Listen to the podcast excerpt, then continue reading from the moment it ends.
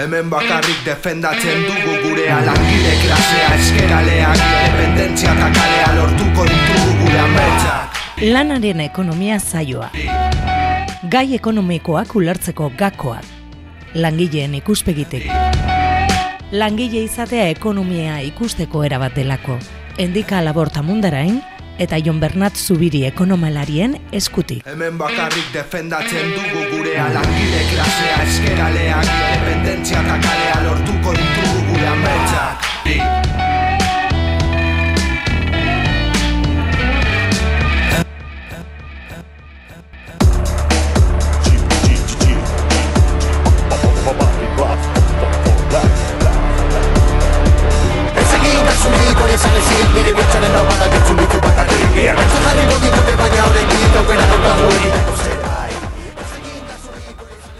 Egunon, e, hemen gaude, barikuro moduan, endikata bisok, e, ane zabala mandoetan, eta bueno, ba, saio berri honetan, e, aste, saio berri hau asteragoaz, eta bueno, ba, astero moduen, betiko egitura mantenduko dugu, hasiko gara e, ba, sindikal agenda, endikak e, sindikatu desberdinekin elkarlanean, ba, zenbait deialdi ekartzen ditu e, aste urrengo egunetarako. Eta gaur egunekoa oso potoloa dator. Ba, bai, bai, bai, ia, ia bi horri, ia bi horri, bai, bai. Bueno, eta hortik jarraitzeko, astero moduan, kojuntura atalean, ba, gaur eh, orke, or, orkresta, orkresta, hori elektrotxaranga ez da izango, ez? Ez, orkresta, orkestra.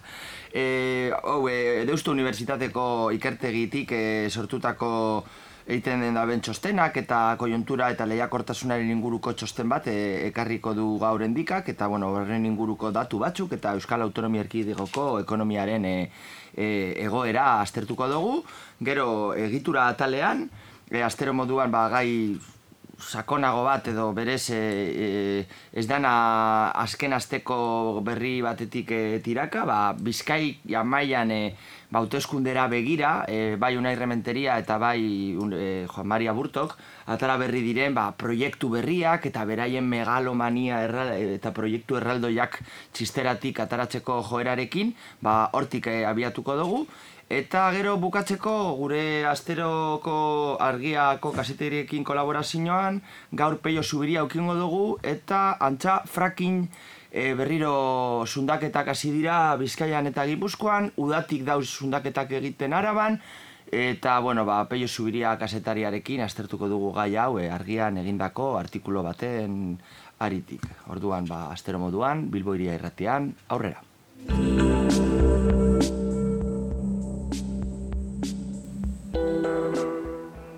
Lehen hau esan dugun moduan sindikal agenderekin hasiko dugu, baita ere, bueno, azkertu ba, Ekuadoretzea eta hainbat sindikatuei ba, haien e, parte hartzagatik.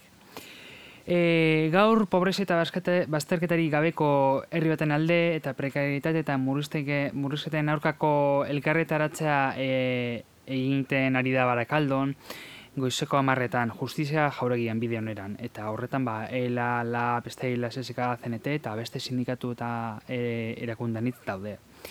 Baitere aipatzea greba, e, gaur ere euskotrenen greba dituta dago, e, orain dela bilabete enpresarekin akordatutakoa ba, aplikatzeko esegitzen ari direlako. Eta hor daukagu ba, SK, ELA eta UGT. Beste grebekin jarraituz, Bilboko NH eta Barcelona Erbion hoteleteko gelazainak azaroren bitik ge, aurrera greban daude, greba mugagabean.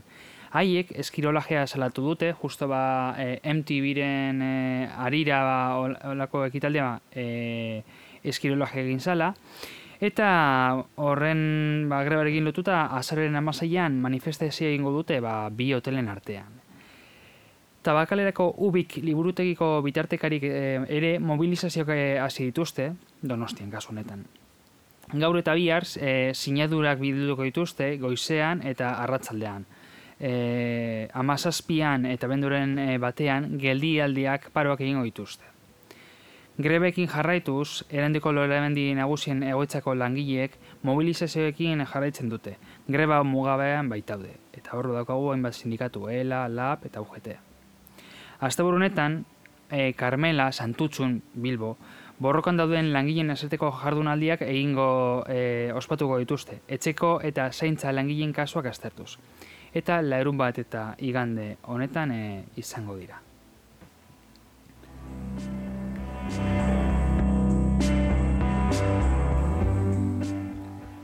Laerun batean, e, beste ekintza eta ekitaldi gehiago daude. Bat, e, estilesek bultzatu da, eskuntza, privatizazioa, berdin segregazioa.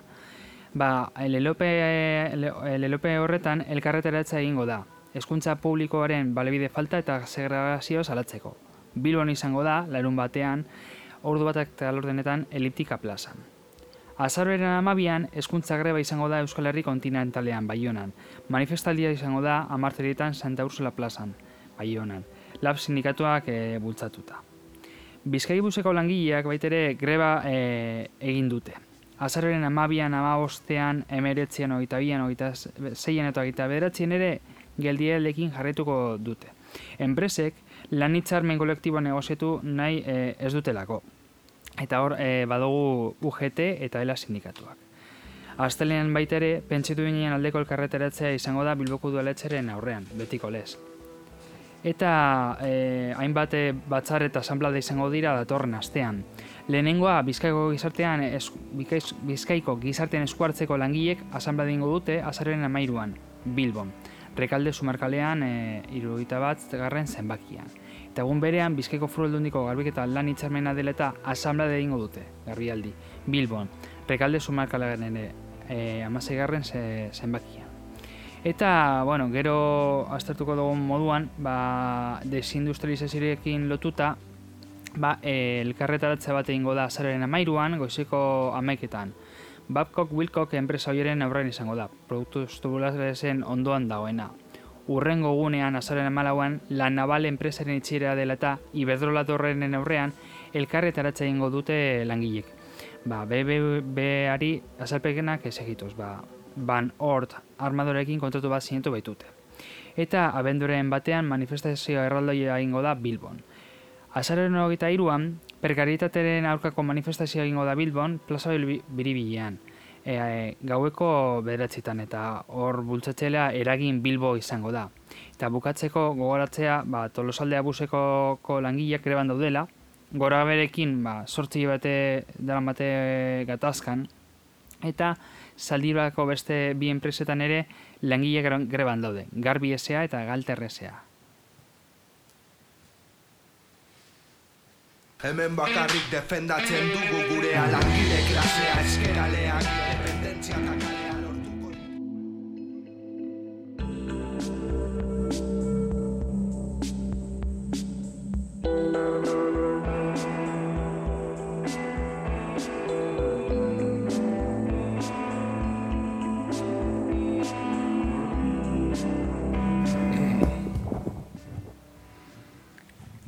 Gaur, e, kojuntura atalean, e, Orkresta Euskal Lehiakortasun Institutuak, Deusto Fundazioari lotuta dagoen e, ikertegia, Euskal Autonomia Erkidegoko 2008ko lehiakortasun txostena atera duelaren arira, ba, azterketa batzuk edo datu batzuk ekarriko e, ditu endikak. E, berrogeita mara adirazle baino gehiago aztertzen ditu, erreferentziasko beste eskualdekin alderatuz. E, Bueno, endika, eh, nahiko datu dekogu hauen artean zeintzu dira eh, adibidez enplegu eta langabezia inguruko ba, aipagarrienak diren eh, datuak.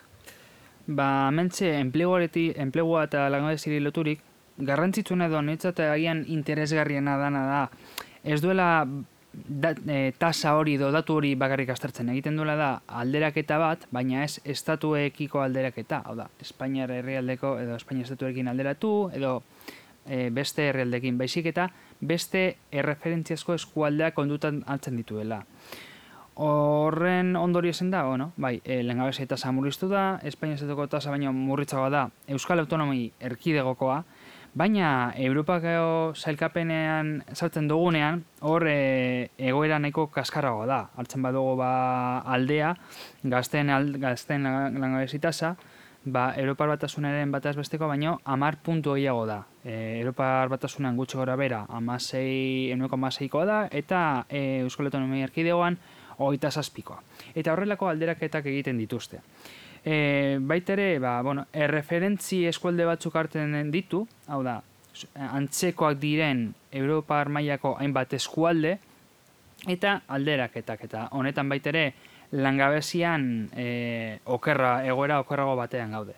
Beste datu bate hart, hartuz, ba, bueno, e, enplegu tasa, enplegu tasa da, da lan egiteko garaien dauzien pertsonak, ez da, zenbat dauzien lanan edo lan bilatzen, ba, horretan baitere, erreferentzi eskualde hauekin, gure egoera okerragoa da. E, bost puntu gutxo gara bera e, gutxiago. Horrek zer esan nahi du. Beste eskualde horietan, entzeko diren eskualdetan, e, badao, e, jende e, proportxo bat lan egiten eta edo lana bilatzen eta hemen murritzago da. Eta horren atzen badauz, hainbat arrazoi, e, bueno, batzuk aztertzen dituztela, baina hori izango litzateke, ba, enpleguaren in, arira, ba, bueno, datu interesgarrinak. Labur bilduz, e, Euskal Autonomiko datuak, ba, bueno, antzekoak izan daitezken e, eskualdetatik, ba, urrun daude. Eta hori da, ba, azpimarratzeko goza bat. E, askotan, ba, gobernuek edo jarlaritzak aipatzen ez duena. Bueno, beste aldetik, e, eta hor pizkatxu bat e, e, gogorragoa dan e, adirazle batekin sartuko gara, sarritan ekonomilariok e, ba, unitateko lankostua aztertzen dugu, hau da, e, mantra, mantra neoliberalen artean badekogu esatea lankostua, altu egia dela, eta langileen aurkako doikuntza, politikak behar direla, eta Baina, bueno, e, txosten honetan, bai Europar batasuneko, bai Espainia eta Alemania bezalako bi herrialde handi, eta bai Euskal Autonomia Erkidegeko, e, ba, lankostua edo soldatapeko langileen e, remunerazioa, langile bakoitzeko produktibitatea, eta bien arteko harremana sortzen duen unitateko lankostua aztertzen da, ez? Eta zein da orduan, non dago Euskal Autonomia Erkidegoa beste beste herrialdeekin e, eta Europako Europar batasuneko batazbesteko adierazleekin e, alderatuta. Bertoko patronalek askotan aipatzen dute geuk langilok edo Euskal, Euskal Herriko eta kasu honetan Euskal Autonomia Erkidoko la, langileak oso garestiek arela, ezta? Aipatzen dutelako gure, gure soldaten eta e, kostua. E, hor aztertzen badugu, haiek esan da, duten moduan, ez da, langile baten kostua, enpresarentzako kostua zein dan, ba bai, e, Espainiar baino kostu handiago dugu, baina Alemania baino kostu txikiagoa. Horrek e, e, zer adirazten du, ba, irudiren parte bat, bakarra. Zeratik ba, langileok lan egiten dugunez, e, lana sortzen dugula. Eta e, txosten honek hori aztertzen du e, zenbat langile enpresa bakoitzean langile batek bataz besteko zenbat e, diru edo zenbat e, aberastasuna sortzen duen. Eta hor aldea nahiko handia da. E, adibidez, Euskal Autonomia Erkidegoan bataz bestekoz ba, pertsona bat bakoitzaren kosta dira ia berrogei mila euro, euro urtean, baina urtean langile bakoitzak irugita amabos mila euro baino gehiago sortzen dugu. Eta hori da, esaten dena, ba, plusbalia, gaintasa, eta enpresak egiten duna da ba, hortik diru pilo bat atera. Orduan, hori gotuntan hartuz, eh, esan dezakegu eh, enpresa batek, langile bakoitzagatik irabazten eh, duen partea, edo eh, sortzen duen aberastasunaren parte bat langilera, langileen eskutara doa. Baka, bakarrik euneko iruroikoa dala beste guztia enpresarentzat mozkina da, diru garbia. Eta alderatzen dugu, ba, e, irabazita hori, ba, beste herrialdekin, ba, ikusten da nola e, ba, alemanekin alderatuz, espainianekin alderatuz, eta bar, e, muritzago dela. Hau da, merkeago gara. Nez eta patronelek esan, garaztiago garela, gertatzen dena da, geuk langile bakoitzak irabazi edo e, aberestasun gehiago sortzen du beste herrialdeetan baino. Eta hori ba azpimarratzekoa da eta kontutan sartekoa. Askotan esaten duten soldatako oso gazte dira, baina bai, kontutan izan behar dugu zenbat ekoizten dugun, zenbat aberestasuna sortzen dugun, eta enpresak zenbat hartzen duen.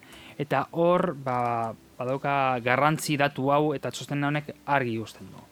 Bai, ez, ondo ulertu, ulertu batxut, eh, azkenean egon aldira egoera batzuk non eskualde baten edo herrialde baten eh, enpresek eh, produktibitatea handikoak eh, handiak dute, produktibitate handia dute eta soldata altuak bebai. Eta adibidez, beste herrialde batean non produktibitateak oso basuak diren eta soldatak baita, azkenean e, unitateko lankostua bardina izan alda, ez? Orduan bi eredu desberdinak dira, bat da produktibitate altuko eta soldata altuko e, herrialdeak izatea, hau da, erreferentziazko eredua izan beharko zuena, ez? Ekonomia produktibitate, produktibitate handiagokoa izatekotan langileentzako tarte e, desente bat geratu alda hilaren amaieran, eta batzutan gure eredu kaskar honetan bideratzen gaituen ekonomia turistiko, makroevento eta produktivitate basuko jarduetara bideratutako ekonomia, azkenean soldata basuko, eta orduan berez, paradogikoki, unitate lankostu berez altuko ekonomia batean geratzen gara, naiz eta e, soldata kaskarrak eta etekin kaskarrak izan, ez? Bai, agian era errazago baten esateko e, e, industria, ez da? Askotan e, eta hori aipatzen da la naval eta holako industriak izten e, ari direnez, ba, bertoko soldatak altuegi, altuegi, altuegia direla, ezin dutela beste gelde batzuekin lehiatu, oso garesti direlako lankostuak eta bar, ba, e, testu edo txosten honek diona da, guk e, alderatzen badugu gure burua, antzeko eskualdeekin, irabazle ateratzen gara, hau da, gure agian lan kostu edo lan kostu apaitzen dituzten lan kostuak agian altuago dira, baina produktibitatea asko handiagoa da. Orduan, eta hori bakarrik industri mailan epatzen epatzen ari naz, eh? Orduan, askotan aipatzen dutenean soldata gareste soldata aldua direla, bai, baina ez duten aipatzen da produktibitatea da, zenbat ekoizten duten, zuk esan duzun moduan. Eta hori argi usten dute txostenean. Bueno, eta ja bukatzen joateko gure kojuntura talonekin, be, txostenan esan dugun moduan e, berrogeita hamar e, adirazle aztertzen dira eta bueno, ba, enplegu eta langabezi eta ba, lankostu eta produktibitatetik aratago ba, patenteak, marka registradu, diseinu kopuru, produktu berrien salmenta eta abarreko datuak e, aztertzen dira baita, ez? zer da aipagarriena e, atal, atal honetan? Beno, ba, hor eh, hainbat datu daude, eh, ia gehienak eh, azken urtean hobetu dira, txostenak eh, txostenaren arabera, eta eh, garratzituna da, alderatzen badugu ba, inguruko eskualdeekin, ba, bai, berri, bai berrikuntza, bai esportazioak, enpresen portaera, ba, poliki-poliki, ba, urbiltzen ari direla, ba, eh, elburu datu edo eh, eskualde horietara. Eta, bueno, ia gehienak Europar batasunen antzekoak e, antzeko datuak direla, gutxi gara bera. Eta hori izango lirateke, ba, bueno, hor dauz hainbat, e, hainbat item, hainbat e, elementu, eta ba, hor azterketa nahiko sakona egiten da.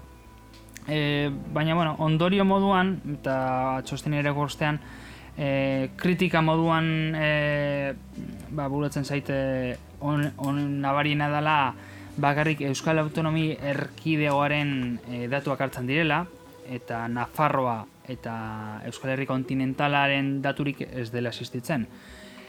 Hartzen dutela eskualde moduan Euskal Autonomi erkidegoa eta Nafarroa aparte, eta gero Euskal Herri kontinentala sartzen dutela ba, Akitaniaren partez, eta ordon Euskal Herri e, e, ezinezkoa dela Euskal Herri maila beste eskualdeekin alderatzea ja, egiten dela da zatiketa bat eta hori ba herri mailan ba apur bat e, zailtzen du guk gure burua mundu mailan e, era argi baten ikustea. Bueno, ba, e, orkestra, orkresta, orke, nola da? Orkestra. Ah, orkestra, eta elektrotxaranga nola da? Ba, Kresta. Ah, vale. Ia ia antzekoa da, bai. Bueno, ba, Orkestra Euskal Eakortasun Institutoak egindako txosten honen datuekin, ba, gure azteko koiontura atala bukatzen dugu eta bueno, ba, datu mordo bat eta bueno, gero eskuragarri izango direnak be bai, eh, hor dagoko eh aldizkarian.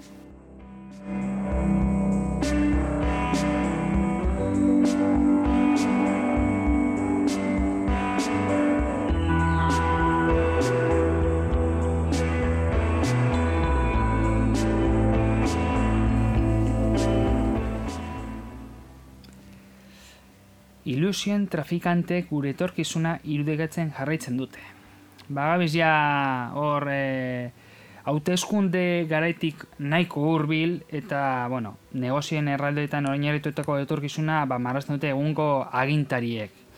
Alternatiba ez dagoela, hau da, tina, e, inglesez, e, lau ezetara zabaltzen dute aldi berean. Beraien ilusioak trafikatzeko joera salatu behar dugu, beste bide bat elkarrekin marrazten dugun bitartean.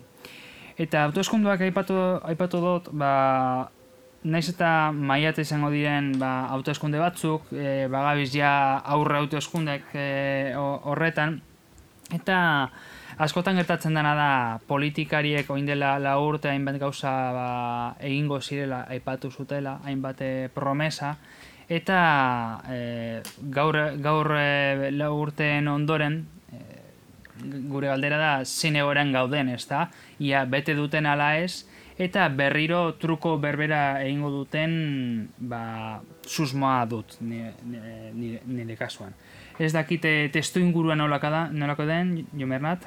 Bueno, eh, azkenean zuk esaten duzu moduan, ez? Hautezkunde aurre kanpaina luze bat e, bizi, bizi izango dugu aurton, e, betiko legez, ba, agintean dauden e, politikariek, e, ba, beraien postuak berresteko helburuarekin, e, there is alternative e, tengabeko alternatiba gabeko mundu honetan bizi garela gogoratzen dizku e, digute, ez? Eta e, gogoratu behar eta pizka bat e, memoria, memoria eginez, e, nola unai rementerian 2008ko kanpaina, ez? Olatua dator eta hor mundakako e, surflarien atxeko aldean e, agertuta, azkenean ja emoten deu Bizkaiko foru aldunak, e, ba, oin eskertiarra dala esaten deu, ekologista dala, bakarrik faltatzen datxo e, feministen olatura igotzea eta azkenean igual e, ez daki gaztetxeetan hasiko gara bere burua ikusten. Edo zeinean gogoratu behar dabe bai, bera bere kanpaina aurkeztu zuen momentu berean, e, bere garaian Safe Mundaka Safe Dosean e, ekimenak gogoratzen zuen nola draga bat egon zala eta olatuaren jendea gogoratuko deu, ez? Eta be bai mundakako surf, munduko surf txapelketa azkenean e, unerrementerian erruz ez egitea e, erabaki zuen mundakako udaletxeak eta eta berez e, hori e, kontrastatu alda mundakako surf taldekoekin eta mundakako e, mundakako surf dendarekin, ez? Eta berez gero be bai kanpainan olatua dator kanpainatara eta berrio draga berri bat onartu zuten, laidan eta berriro liskarra sortu zan eta naiz eta hain evidentea da eta hain handia dan aldea dau esaten dutena eta egiten dutenaren artean, ba azkenean e, miente que algo queda esaten duena, esaerak esaten duen moduan, ba lortzen dute, ez, era batean edo bestean, beraien irudi e, aurrerakoi eta e, eraldatzailea hori betiko potere dunek eta betiko ereduan e, murgiltu dizkigute, digutenek, ba, lortzen da bela, edo bentset, batzuentzako e, e, erabigarriak diren hori, iruz palau minututan desegin aldiren argudioak, ba, jendearen burmuinean eta iruditeria e, aldatzeko, edo bentset, e, ez aldatzeko aukera izaten dute ez. Bueno, ikusi dugu ba, nolako jokaide esan zuten ba, kanpaina horretan, baina lau urte pasa dira, eta e, zer gertatu da hainbat egin direnen bat promesekin, hau da, zer e, enpleguarekin eta inbertsio berrekin zer gertatu da. Askotan, ba, hori maiaren, maiaren gainean eta estabidan jarri behar dugu, ez da? Zer gertatu da? Bueno, atxoko poteoan euskolo, eusko legebitxarrean e, lan egiten duen e, lagun batek e, e, itxeman zuen e, ingo digu, digula taula bat. E, nola politika industrialeko arloan e, etengabea da e, lan berriak, inbertsio berriak eta eta etorkizun liluragarria e, pro, e, agintzen dute eta gero epean epe ba, horrelako e, promesak ez dira betetzen. Ez? E, e, atxo, e, bueno, gaurko saioa prestatzen egonaz e, interneten bilatzen eta, eta adibide batzuk batez behen karterrin eta eskerraldean non langabe zitasa galtuagoak dira e, oso joera nabarmena dago. Ez? Oso enpresa enpresa asko sarratu dira azken urteetan, e, reikit bat moduen, edo, edo bere momentuan e, e, enkarterrin egon zan e, konekta, BTO, norbe baile e, kalerak, e, kaleratxeak egon ziren, eta goze greba bat, eta, eta bar, e, ni kuadriako bat ukin dotor e, kaleratua, eta berez, adi, e, berez promesa berriak ez dira gauzatzen, ez? E, brikomart, abidite, edo e, agian gure entxulek, e, hobeto garatuko dute, fagorraren porrota egon zanean, e, bizkaiko adarra izan zuen basauriko edesan, e, hor, e, horten San Jose Luis Bilbao, rementerian aurreko aldun nagusiak, e, esa- e, esaten zuen, bai, gu salbatuko dugu basauriko planta, eta bueno, basauriko planta gaur komertzializazioa baino ez duen eta lan industriala bukatu zuen aspaldin, ez? Eta orduan, e, zein da azkenean e, ataratako edo egin aldogun irakurketa kritikoa? Ba, batzutan, e, hauteskundeen garaian, e, erraz agintzen dute eta erraz prometitzen dabe e, inbertsio berriak eta lanpostu berriak, eta gero, ba, oin ziklo berria dator eta gauza bera gertatzen ari da, ez? Orain esaten dute Amazon bat e, irekiko, irekitxar dauela sestaon, e, parke teknologikoa e, agindu dute, lehenengo harria jarri dute abanto zierbanan, e, oina, azkena, azken asteetan ikusi dugu Bizkaia dorrea, hau, e, beti BBVak e, egin duen, e, izan, e, BBVan egoitza nagusia izan da dorrea, ba, kriston operazio urbanistikoa egingo duela aldundiak eh, hori berreskuratzeko, ez? Eta claro, alde batean la naval sarratzear dago, hainbeste enpresa sarratzen dira eskualdez eskualde. Gero eta e, tertxiarioagoa eta produktibitate eta, la, la, eta, eta soldata basuko sektoreetan espezi- espezializat- espezializatzen da ekonomia eta haiek jarraitzen dabe e, enplos- enplegu berriak agintzen, kasu honetan, bueno, Amazonena izango da oso lan prekarioak eta oso eredu kaskarra eta tokian tokiko merkatarien kontrako eredua, baina hori, bueno, megapark eta hauek bezalako, bueno, igual beste buelta etuerka bat e, ematea da, ez? Baina, bueno, mobilizazioak eta bar dauen bitartean eta enpresas enpresa arazoak dauden bitartean eta euskal industria orokorrean em, adibidez, ba, dela markada batzuk e, Euskal Herriaren e, barne produktu gordinaren erdia lan industrialak ziren eta gaur egun laurden bat baino ez da, ez? Bai lanpostu kopuruan eta bai ba- barne produktu gordina edo balio erantziaren atalean? Eta, bueno, ba, azkenean em, e, orain e, hauteskunde berrietara goaz eta zer zein da joera, ba, promesa berriak daudela, ez? Eta promesa berriak berez e, batzuk itzen dira urren urteetarako eta beste batzuk etorkizunera, ez? E, batzutan futbolean baloia aurrera botatzea esaten dan teknika ingeles e, klasikoa, ez? E, taktika e, oso e, epe laburreko taktika ez oso, ez oso e, eraldatzailea. Bai, hor e, Keynesek e, aipatzen zuen ba, asaldi bat dago. Etorkizunen guztiak hildak egongo gara, edo egongo gara. Orduan, ba, bueno, bi idei horik lotuz, ba, bueno, baloia etorkizunera bota, baina etorkizunen guztiak e, ez gara hemen egongo, ez da, ba, apurate ho- horrekin jolasten dute. Eta, bueno, hainbat kasu aipatu dituzu, baina nire gustatuko litzateke bat e, ba, azpimarratzea, e, urtea dara matza hor, eta apurat ba, bilbainismoaren esarri moduan ba, arditekena zorro zaurre. Bilboko Manhattan. Bai, Zorrozor ez da Manhattan pankartekin e, agurtu zuten e, e, Zorrozaurreko Ribera de Deustoko auzokideek e, Juan Maria Burto, ah, Juan Maria Burto, ez? Eta bera etorri zanean e, ba hori Manhattan berria hori agintzera, baina kontu da, eta gaur e, betiko bilbotarren artean e, e, e, gehienak goratuko dira, oin dela urte asko, eh, el Correo Españolen, eh, Español hitza kendu baino lehen, eh, eitzen ziren beti, eh, eitzen ziren beti eh, Manhattan berri honekiko eh, eh, marraskitsuak eta agertzen ziren ja iaia eginda egon basan moduan eta jendea goratuko du Sara Hadid eh, arkitekta, nazioarteko arkitekta, Kutxabank dorrea, berez eh, Kutxabankeko, bere garaian bebekako, gaur egun Kutxabankeko em, eh, egoitza berri handia erraldoia erdigunean izango zuen auzo eh, moderno, hipermodernoaren eh, e, hori plangintza, ez? Eta gero gertatu zen, 2009an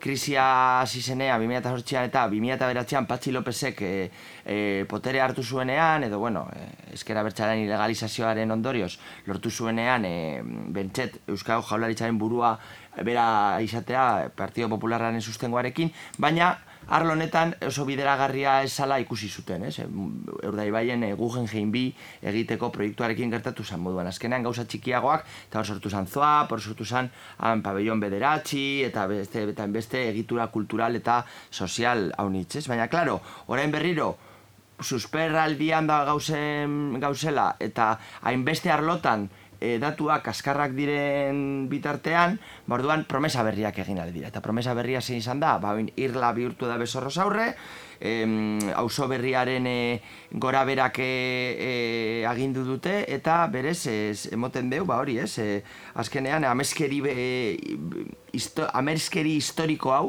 e, berez auzokideek nahi ez duten, e, Manhattan berri bat sortzeko e, proiektu hau, ba, berriro aurrera be, aurrera egiteko helburuarekin ba, ba, e, inbertsio batzuk eta enpresa batzuk eta eta karo, kaleratzeak, enpresa batzuen e, e, licentziak e, licentziekin bukatzea ba, eta or, bueno ba, empresa historikoak izan dira ezta? kadenas bizinai eta abar eta boia sarratzen da biz eta gure dabe betiko jarduerak kendu ze bueno ez dakit orain exactamente baina dela urte pare bat e, ikusi nuen zorrozorren oraindik mila lanpostu zeuden eta nez eta Manhattan berria egin barik egon, hor jarraitu egon dira, ez, da, ez, ba, ez bakarrik eh, arlo kultural edo zirkosaurre edo, edo beste motatako egitura berria, baizik eta historikoagoak izan diren enpresa batzuk hor aguantain dira, baina berez, orain e, plangintza berria dator, irla bihurtu dute zorro zaurre eta aurrera eroango dute beraien e, proiektu edo berez e, eta erakunde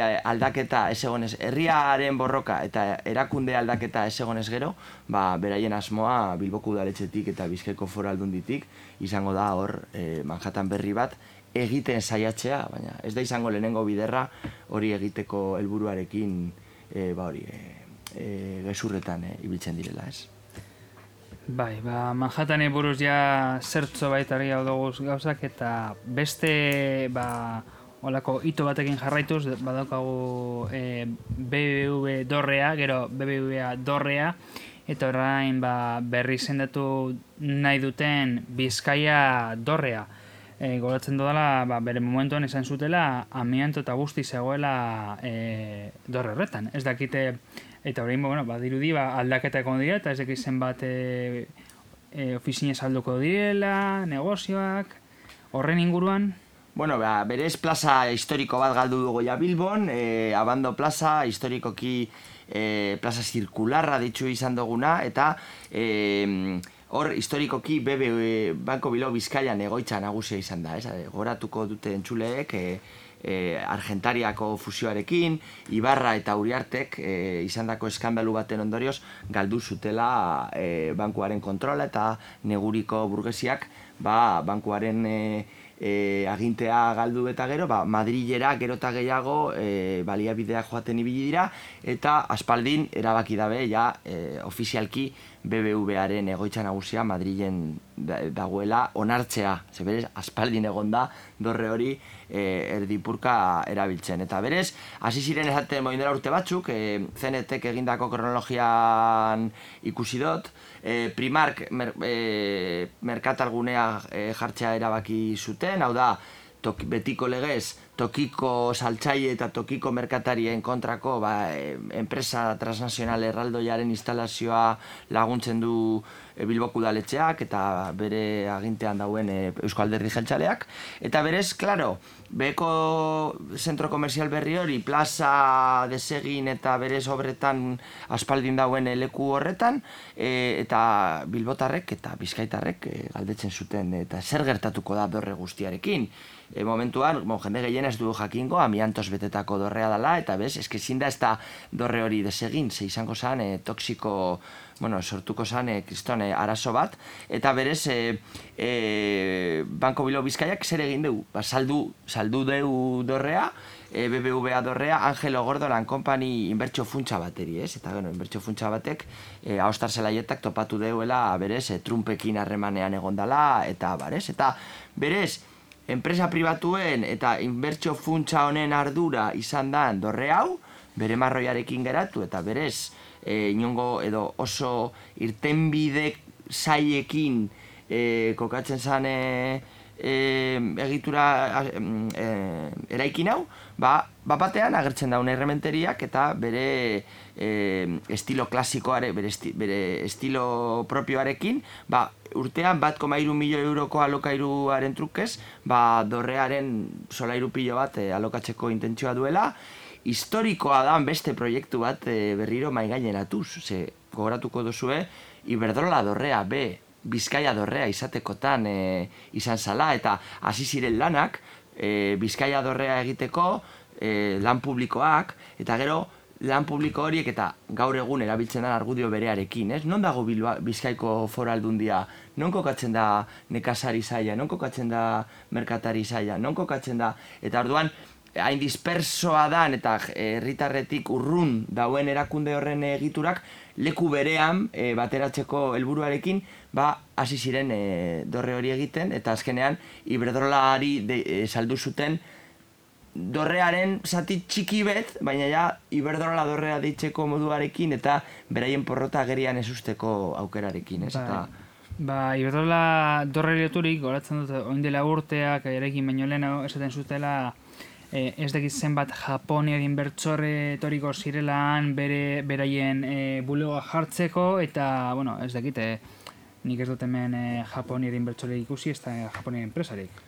Bai, nok daki, nik ez gabaz batzutan fijatzen zara ni batzutan bilbotik ibiltzen garenean e, e, nola ez dagoela horra enbeste argi ez, eta ez dakizu exactamente e, asko ez dabela lan egiten, edo berdi utxik dauen dorrea dan, baina, bueno, edo zeinean oin berriro, idei berearekin haintzineko proiektu zahar hori e, ataratzen dugu errementeriak, eta esaten dugu bizkaia dorrea izango dela, hau da, na, estatu batuan erroa duen inbertsio funtsa bateri kriston dirutza emongo dutela, eta operazio urbanistiko erraldoi batekin, ze, klaro, e, bizkaiko foraldundiak e, hainbeste eta hainbeste lekuetan dituzten e, dituen eraikinak eta egoitzak, saltzeko edo berra alokaideoak eh, espagatzeko.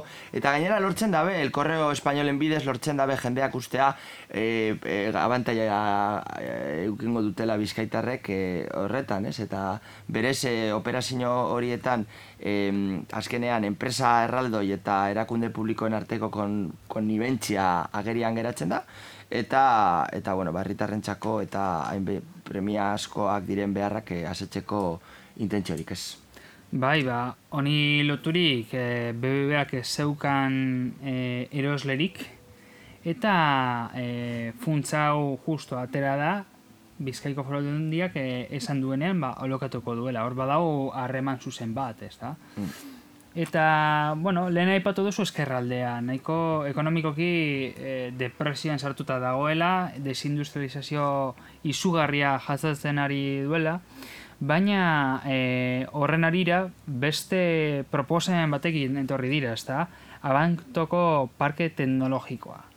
Bai, eskerraldea eta mehatxaldea, ba, azkenean bizkaiko e, herri langilearen e, e, udalerri nagusiak hor kokatzen dira, eta historikoki, ba, zer izan Altos Hornos eta Abarreko enpresa handiak sarratu zirenetik, gaur egun ACBek bebai hor jarraitzen dugu, baina erdipurka dabil bebai, e, uneko funtzionamendu, e, oza, bere ekoizpen kapasitatetik oso, e, bere ekoizpen almenetik oso urrun dabilen enpresa, eta gero eta jende gitxiago gaz funtzionatzen dana, baina, bueno, azkenean, e, ba, berriro hasieran esan dugun moduan promesa berriak egindu behar dira, ze bestela e, PNV e, eskualde horretan orainbik heltzen duen e, heltzen dion hegemoniari e, ba, mantentzeko ba, zeo zer agindu behar dabe, itxeman berriak e, beharrezkoak zira. Eta zein izan da txisteratik atara duten e, proiektu berria, ba, abanto parke teknologikoa, eta hor jarriko diren, enpresa, eta esaten dabe 2000 lanpostu sortuko direla han, eta ja lehenengo harria jarri dute,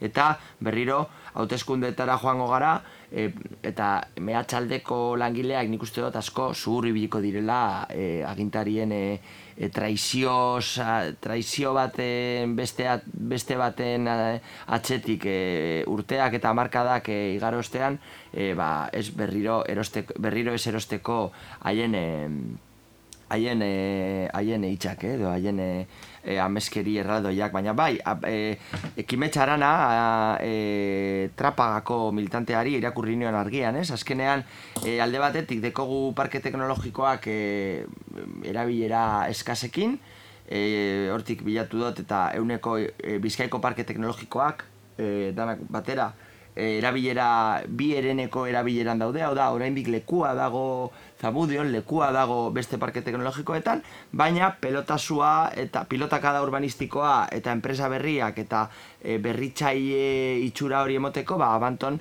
e, beste, beste bat egiteko helburuarekin e, ba, proiektua aurkeztu dute, eta bueno, ba, azkenean e, hori izango da, jendartearen egoera larria profitatuz, ba, beraien botoa bere ganatzeko erabiliko duten e, tresna, ez? Eta azkenean, zein izango da etorkizuna, e, berriro e, geratuko da proiektu hori egin barik, edo gauzatuko dabe, edo agintean e, geratuko dira politikari hauek e, proiektu hauek gauzatzeko, edo, eta aukimetxe aranak esaten duen moduan, edo eskerretik beste alternatiba batzuk sortuko ditugu eta igual horrelako proiektu hainbeste nazioartekotxe eta kapital handien eta oinarritu barik, ba, enpresa txikien eta langileen e, e, berrikuntza gaitasunetik e, abiatuko ditugun, ez? Eta berez, hori da, azkenean e, gehiengo alternatiboak beharrezkoak e, dira, e, ba hori, ez? Alternatiba ez dagoela esaten dutenei e, poteretik kentzeko eta e, beraien makroekitaldi musikalak, gutxi batzuentzako inbertsioak, nazioarteko turismo masiboa, ez? Azkenean hor egongo da festival bat, e, bat, e, wikitokin egongo da festival bat, ba, gai hauek jorretuko ditu, e, ze elako eredua geratzen da, ez? E, ze elako eredu ekonomikoa eta zelako lan harreman mota, horrelako pilotaka urbanistiko eta enpresa erraldoiekin, trapitxeatzen eta ilusioak trafikatzen ibiltzen direnen poterea eta agintea mantentzen da bitartean. hemen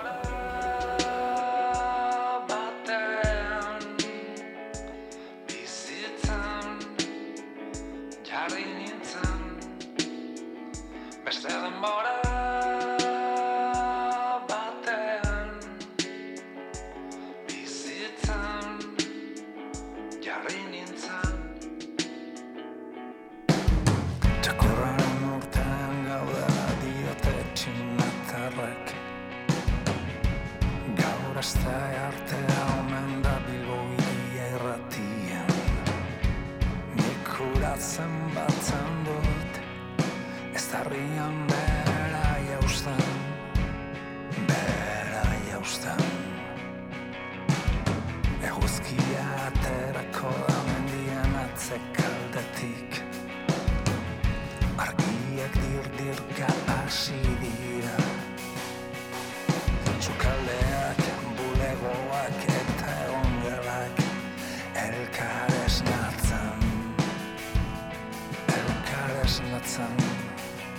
Estan en vora.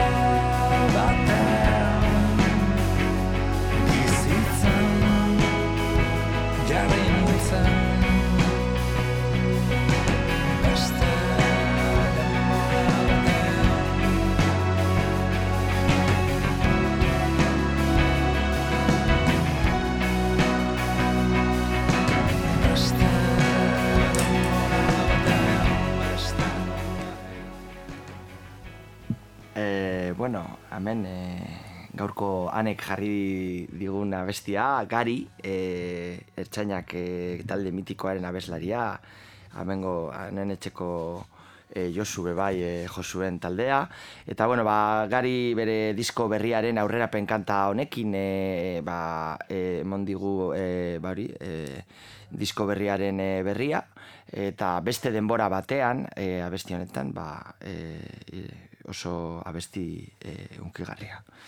Eta bueno, Peio Zubiria gure e, jarraitzeko eta gure gaurko saioa bukatzeko e, gure asteroko argiako kasetariekin eitzen dugun kolaborazioari helduko diogu.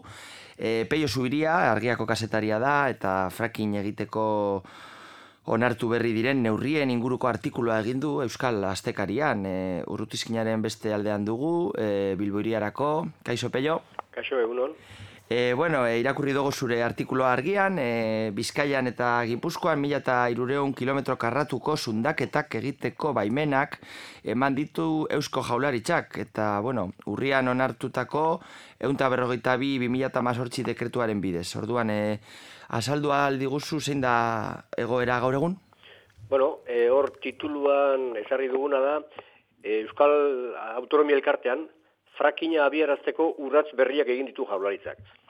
Zundaketak baimendu ditu Bizkaia eta Gipuzkoan. Orduan hori da mamia. E, gauzak e, azaltzen dira normalean herritarrok e, jakiten ditugu gauzak badatozela ondorio ikusten azten garenean. Baina aurretik ekartzen dute planifikazio eta prestaketa lan handi batzuk. Eta bueno, pues, e, e, frakinaren gaia da hor beti e, edo zintzilik edo atzetik e, e, mugitzen ari dena eta eta ari da mugitzen. E, kasu honetan, mila eta irureun kilometro kuadrotan zehar e, erregaien bilaketa egiteko permisoa eman die enpresa publiko baten eta enpresa pribatu baten arteko e, elkarte bati.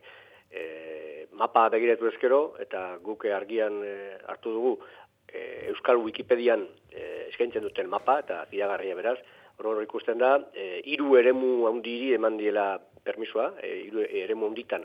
Hala, Bizkaia eta Gipuzko artean, e, ba, esango nuke, Durango, Elorrio parte hori eta debagarai hartzen duen sustraia, eremua.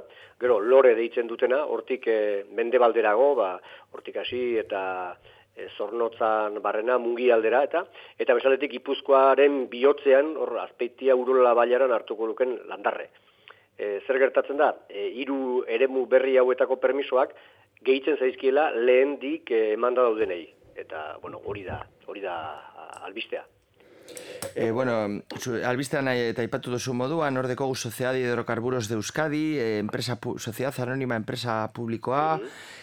Petricor, enpresa estatu batuarraren e, e, bizen arteko elkarlanean bai. egingo dira sundaketak eta gero be bai aipatzen duzu eiko energiren e, e, ardurapean, ez? Bai. E, nortzuk dira enpresa hauek eta zein da e, azkenean e, hauen atzean erabaki honen atzean e, kokatzen diren e, e, eragileak. Bueno, e, Petrik, Petrikor eta Eiko Energy, bueno, guk hori bai berria egunkariak eta beste prensa batek publikatu zuenaren aritik, ba, ez dugu ezer asmatu, hori hemen hauek eta gero Sociedad de Hidrocarburo de Euskadi, e, SESA edo SESA edo e, sigla dituena, bueno, e, lehendik ari dira horako operazioetan. Galetzen baldin baduzu zein dago natzean? Hombre, dagoena da energiaren eta e, funtzean erregai fosilen e, mundu mailako e, korporazio handiak eta mugimendu guztia. E, hori Euskal Herrian edo Euskal Autonomia Elkartean esatea zer da? Pues esatea da, energiaren inguruan, gehi zementuaren eta mineriaren inguruan mugitzen den enpresa multzu handi hori harrapatzen dituena, eman dezagun, Repsol eta Petronor bat, zeinaren buru baita, Euskadi buru batzarreko buru izan dakoa, e, baitare zementuaren mundua, bueno, e, indar faktiko bat, labur bilduta, hori da mugitzen ari dena. Problema zein da, pues, e, justu, eta hori da, albiste honen parte nire baldin bada anekdotikoa, e, Eusko Jaurlaritzak ematen du, bain hori, justu e, nazio batuen aditu taldeak publikatzen duen egunean, hau da, bere ohar famazu, famosua esan ez, oso denbora gutxi gelitzen zaigu erregai fosilaetatik erre- energia berriztagarrietara transizio egiteko, zen eta klima aldaketak jadanik erakusten ditu atzera ezinezko ondorio batzuk. Bueno, e, esan nahi, horrek esan nahi du, pues, alde batetik politikariek dauzkatela hitz handiak, eta bestetik mundua, politikariak barna, segitzen dula betiko bidetik. E, inglesak esaten dena business as usual, ba. Be, be, negozioak betiko negozioen moduan. Hori da, nire ustez, eh, mamia, irakurleari, bentz, parkatu, entzuleari nik pasatuko niokena. Bai, e, e, Ramon Fernández Duran, Espainiako ekologistak e, esaten zuen, e, azkenan business as usual eta green capitalen arteko e, talka ba- bat, ez? Talka interkapitalista baten e, atarian geundela, bera 2008an izan, eta azkenean emoten deu Euskal Herrian, ba, business as usual e, irabaziko deu, eta eta ez green capital, ez? Bueno, nik uste, eh, haundi horrek jandula aurrekoa eta beste guztiak. Nahi dizut, eh, ikusten dugunez, eh, fosiletan eh, nagusi diren konpainia handiak, edo geldiarazten dituzte berriztagarriak, hori Espainian izan da nabarmena, ez? Osea, nork dauka Espainia baino eh, indar gehiago Europan eh, eguzkiari etekin ateatzeko? Pues Espainiak, ez? Ez Mediterraneoak. Eta gu barne, zen eta azkenean gu e, frantses batik galdetzen badin zu Euskaldunok bizi gara leku oso eguzkitzu batean. Ah, ba, hemen urte luzez e, eukidegu edozein plaka solar, edozein e, antolakizun zigortua e, bai ekonomikoki, bai alde asko. Bueno, hori lortzen dutenean bereganatzea, esan nahi baita, haize errotak beraiek egite dituztenean, edo zentral solarrak berak egite dituztenean, bueno, pues orduan business as usual horrek, betiko korporazio hondiek, lasai ederrean e, jokatzen dute karta guztietara. E, hoiek e, ematen dizute egurra eta zenarioa eta dena. Mm, eta bueno, frakineri gaiari Bai. bueltatuz, 2008ko ekainean e, iniziatiba legislativa popularren bidez onartu zen austura hidraulikoa galarazten zuen legea, ez? Eun mila sinaduratan jarraitutako ekimena, Bai. eta gero, bueno, e, horretik e, pizka bat aurrerago, Tribunal Konstituzionalak legearen zatiak baliogabetu zuen, eta bueno, ze- ga- baliogabetu zituen, eta gero, bueno, zelan geratu da azkenean frakinen inguruko marko juridikoa, Bizkaia, Gipuzkoa eta Araban?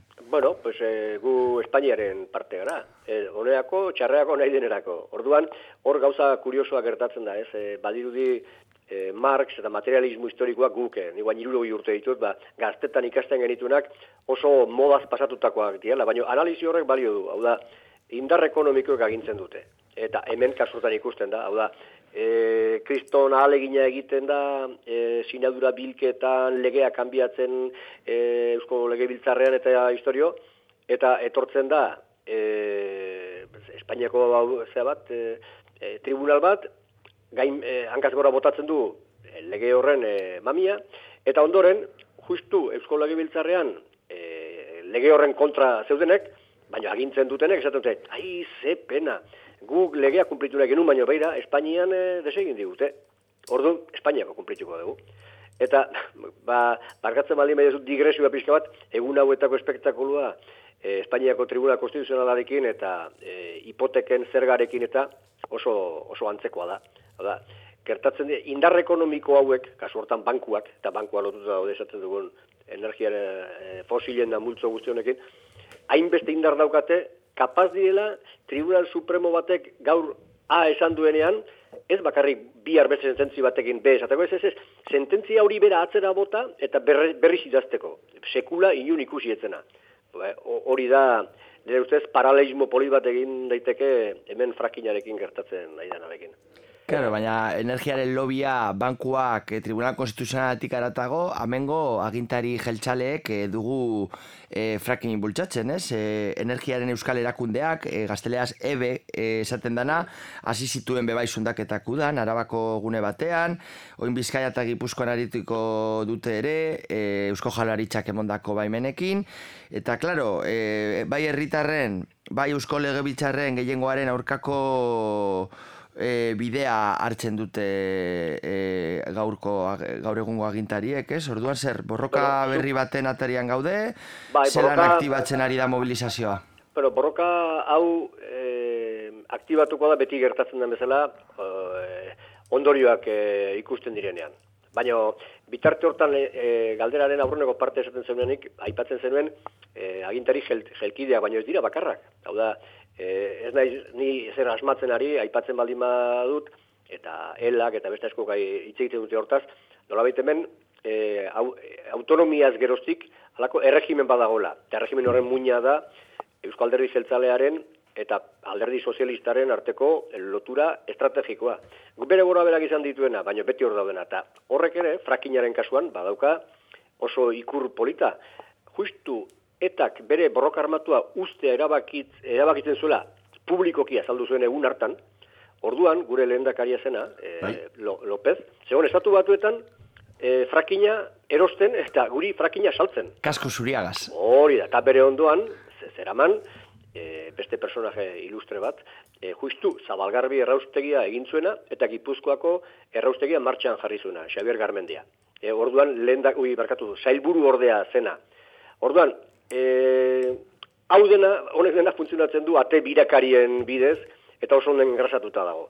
Hori esan da, pues horren galderaren bigarren partea, e, zer gertatuko da, mugimenduango da? Ez dakit, nik ikusten dudana da, Araban ba esate baterako eh hasi direnean e, zundaketak egiten jende hasi dela kezkatzen ze frakina ez da broma e, gauza asko dago publikauta gauza asko dago frogatuta bai estatu batutan bai Inglaterran bai leku askotan eta ez da inolako broma eh han bertan tokatzen direnentzat hoi asteko eta Gipuzkoan hasten direnean edo Bizkaian ba Elorrio inguruan edo Teba garaian edo e, azpeitian edo azkoitian zulaketak egiten, hemen dauden malkarretan, horre egin beharko diren pistetan, eta hor ikusten direnean, e, ur zikin hoiek eta hor sartzen dituzten produktu kimikoek, gehi egiten diren leherketak eta ze e, ondorio sortzen dituzten inguruan, pues, behar bada orduan e, aserretuta azalduko geha jende batzuk kalera.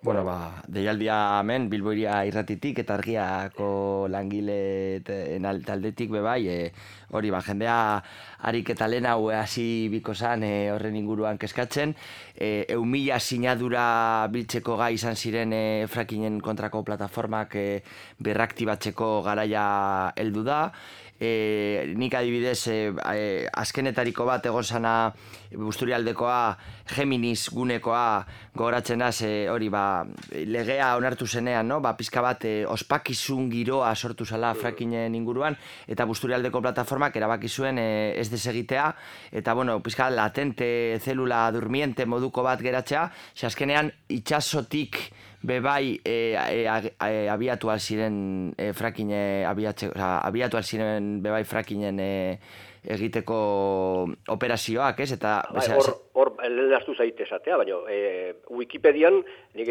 gomendatuko nioke irakurre bati begiratzea euskarazko Wikipedian e, fracking gasari buruzko sarrera eta hor agertzen da mapan e, agertzen da e, Bizkaia ia osoa e, zundaketetarako jadanik baimendua, baina gainera hor kostan agertzen da itsasoan bertan ja, e, eremuak, e, baimenduak eta eta guztiatzeko permisoarekin. Ordu, bueno, hor badago bide bat egiten ari, ari dana dudei gabe. Bai, ze, azkenean hori Geminis gune horretan, edo bintxete busturialdeko plataforman erabaki izan ez desegitea, ze berez, em, lurralde, oza, Eusko Legebiltzarrak agintzen deu Euskal Autonomia Erkidoko lurraldean. Mm. Baina gero kostaldean, beste marko juridiko eta legala dago, eta, bueno, azkenean, zuek argitaratu dozuen e, e, mapan, agertzen dira gune gorri horik lagabiotan ingurukoak, eta hor berez e, lanean edo dabiz. Eta batxutan, e, e, bermeotik entzut, entzun da, nola gasistika eta barkuak eta mugimendua egondala batxutan derrepente berrogeita mar pertsona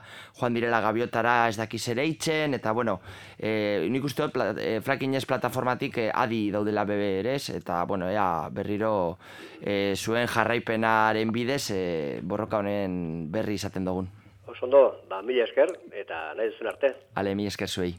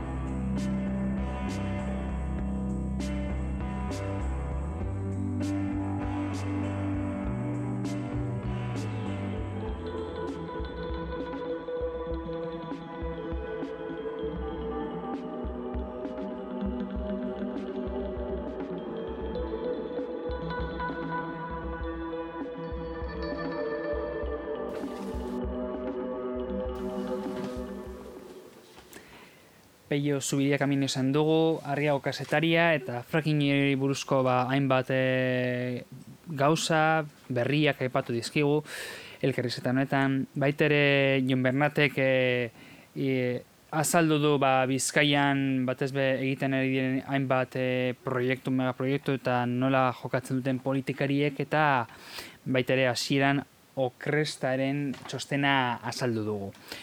E, guztinekin zaila bukatzen dugu, o, baitere, bueno, gogoratzea hor dagoen ba, batera hau izango duzuela, Bilbo irian baitere, eta Arrosasareko irratitan eskuragarri dagoela e, audioren programa. Hortik aurrera, ba, aste on bat pasa desazuen, e, hortxe dugu kontroletan ane, hemen Jon Bernat eta Endika. Honekin, agur. Aste hon pasa. Hemen bakarrik defendatzen dugu gurea langile klasea eskeraleak Independentzia eta kalea lortuko ditugu gure ametsak Lanaren ekonomia zaioa. Gai ekonomikoak ulertzeko gakoak. Langileen ikuspegitek. Langile izatea ekonomia ikusteko erabat delako. Endika laborta mundarain eta Jon Bernat Zubiri ekonomalarien eskutik. Hemen bakarrik defendatzen dugu gure alangile klasea eskeraleak, dependentzia eta lortuko ditugu gure ametxak.